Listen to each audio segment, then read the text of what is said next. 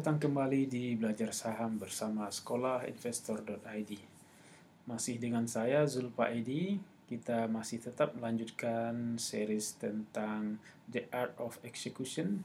Jika pada empat episode sebelumnya kita telah bicara tentang Rabbit, eh, sekelompok trader yang memiliki karakter respon yang cenderung merugikan ketika mereka menghadapi kerugian. Pada episode kali ini, kita akan membahas lebih jauh tentang The Assassins, The Art of Killing Losses, yaitu satu kelompok trader yang memiliki respon yang berbeda dengan Rapid ketika menghadapi kerugian, yaitu mereka merespon dengan cara bagaimana caranya untuk membunuh sebuah kerugian atau bagaimana caranya untuk menghentikan sebuah kerugian. Never lose money itu adalah prinsip yang paling mendasar yang dipegang oleh para investor-investor yang sukses di seluruh dunia. Salah satu investor yang tersukses dalam abad ini, misalnya Warren Buffett, dengan investing rules-nya yaitu rule number one, never lose money, and rule number two, is never forget rule number one. Artinya tetap strict pada jangan sampai merugi, jangan sampai kehilangan uang. Assassin pada dasarnya adalah para investor yang benar-benar hidup dan menerapkan prinsip tersebut. Jadi ketika dia harus menjual saham dalam posisi yang merugi untuk menyelamatkan kapitalnya, maka mereka melakukannya bagaikan pembunuh berdarah dingin yang menarik pelatuk senapangnya tanpa perasaan, tanpa emosi sama sekali. Setelah semua yang terjadi, dalam hal ini menjual saham dalam posisi rugi, mereka melanjutkan hidupnya seolah-olah tidak ada yang terjadi. Di asas ini tidak seperti kebanyakan trader atau investor yang menjual saham dalam posisi merugi, mungkin mereka akan sering mengintip lagi saham yang telah dijual tersebut apakah harga sahamnya sudah naik atau malah tambah turun. Jadi dia masih punya rasa keingintahuan terhadap apa yang telah dia putuskan. Ini artinya apa? Artinya adalah bahwa para trader atau investor tersebut masih memiliki ikatan emosi terhadap keputusan-keputusan yang telah dia buat. Berbeda sekali dengan para assassin ketika mereka membuat keputusan katakanlah untuk menjual rugi, untuk keluar dalam posisi rugi, maka dia meninggalkan keputusan yang telah dia buat seolah-olah nggak ada yang terjadi, seolah-olah itu tidak pernah terjadi. Saking dinginnya, saking tidak punya ikatan emosi dia terhadap keputusan-keputusan yang telah dia ambil. Suatu penurunan harga saham, misalnya minus 10%, maka diperlukan kenaikan harga sebesar 11% untuk kembali menuju titik break-even point.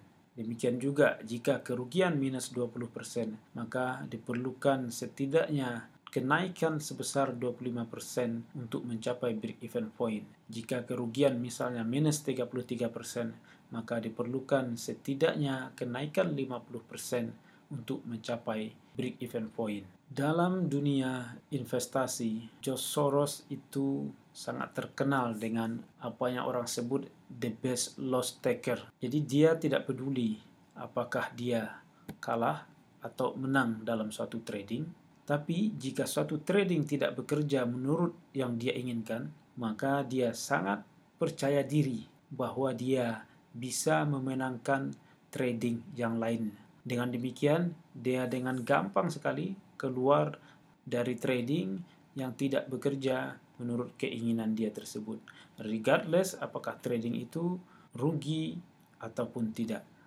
Di Assassin, sebagaimana layaknya seperti Josh Soros tadi, sangat paham bahwa kesuksesan atau kemenangan dalam sebuah investasi adalah tentang pengembalian yang asimetris atau pengembalian yang tidak seimbang. Atau dengan kata lain, Sederhananya bahwa kemenangan atau kesuksesan dalam suatu trading itu adalah tentang bagaimana memastikan bahwa potensi kenaikan harga jauh lebih besar daripada potensi penurunan harganya. Nah, para assassin ini adalah orang-orang yang hidup dengan sepasang aturan atau rule. Rule yang didapat dari pengalaman-pengalaman serta prinsip-prinsip yang dia pegang teguh.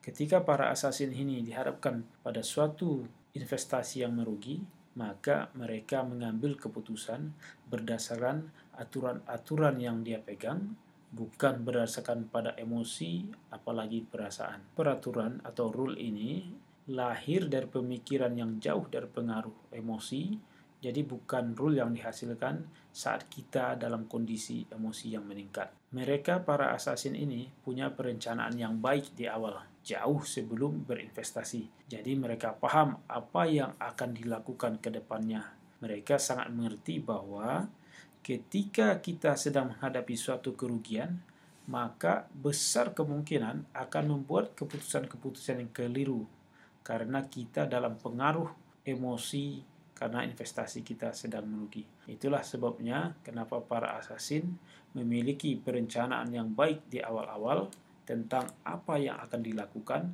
terhadap kondisi yang akan dihadapi. Nah, apa dua rule atau prinsip yang dipegang teguh oleh para assassins? Kita bahas yang pertama. Yang pertama itu adalah kill all losers at 20 up to 30% atau bunuhlah kerugian pada range antara 20 sampai dengan 33 persen.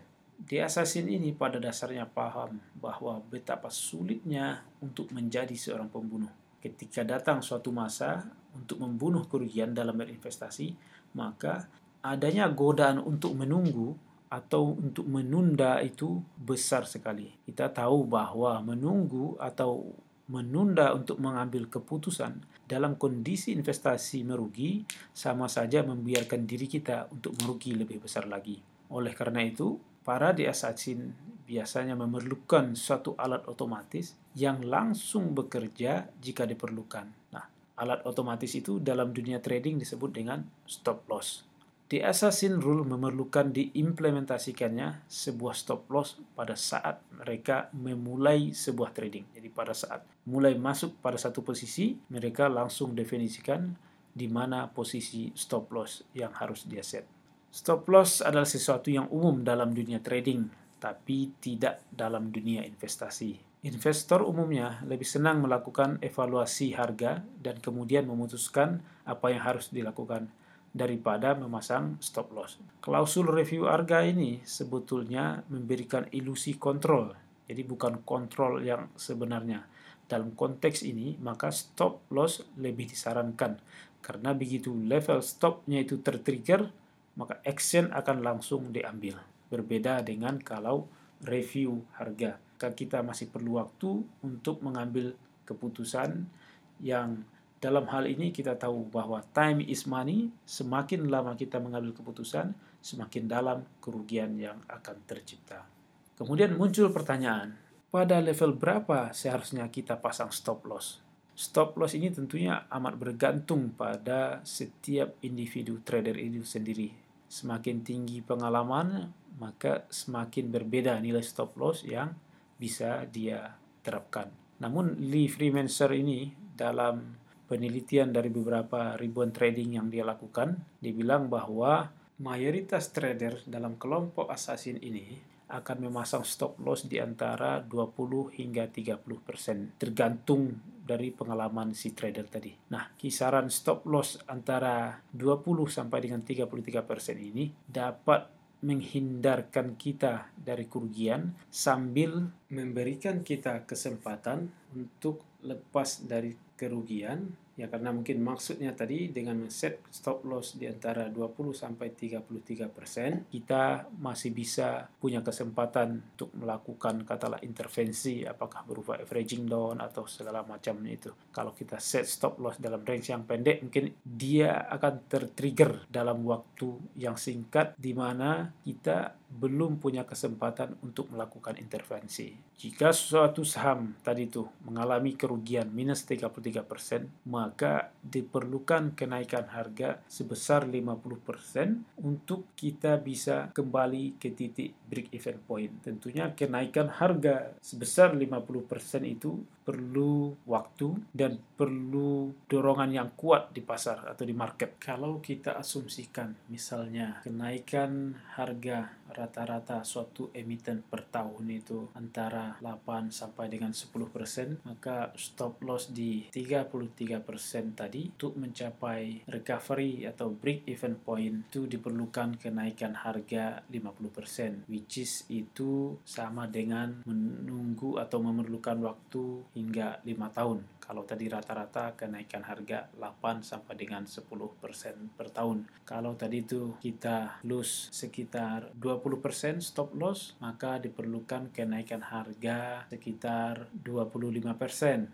Kalau tadi rata-rata 8 sampai dengan 10% per tahun, diperlukan waktu 2 hingga 3 tahun untuk mencapai kembali ke break even point. Ini kalau kita bicara rata-rata per tahun kenaikan harga saham. Nah, menariknya dari penelitiannya si Lee Freemansor ini karena dia juga seorang fund manager atau investor dari 946 investasi yang merugi 59% di antaranya mereka yang keluar lebih awal dengan stop loss tadi itu bisa menghasilkan uang kembali setelah saham itu mereka jual. Sementara 41% lainnya yang memilih untuk bertahan dengan saham yang mereka pegang itu mengalami kerugian yang semakin jauh. Dengan kata lain mereka mereka menyaksikan bahwa harga saham yang mereka tetap pertahankan tersebut semakin turun hari demi harinya. Oke, untuk sesi kali ini kita cukupkan sampai di sini. Kita telah membahas rule yang pertama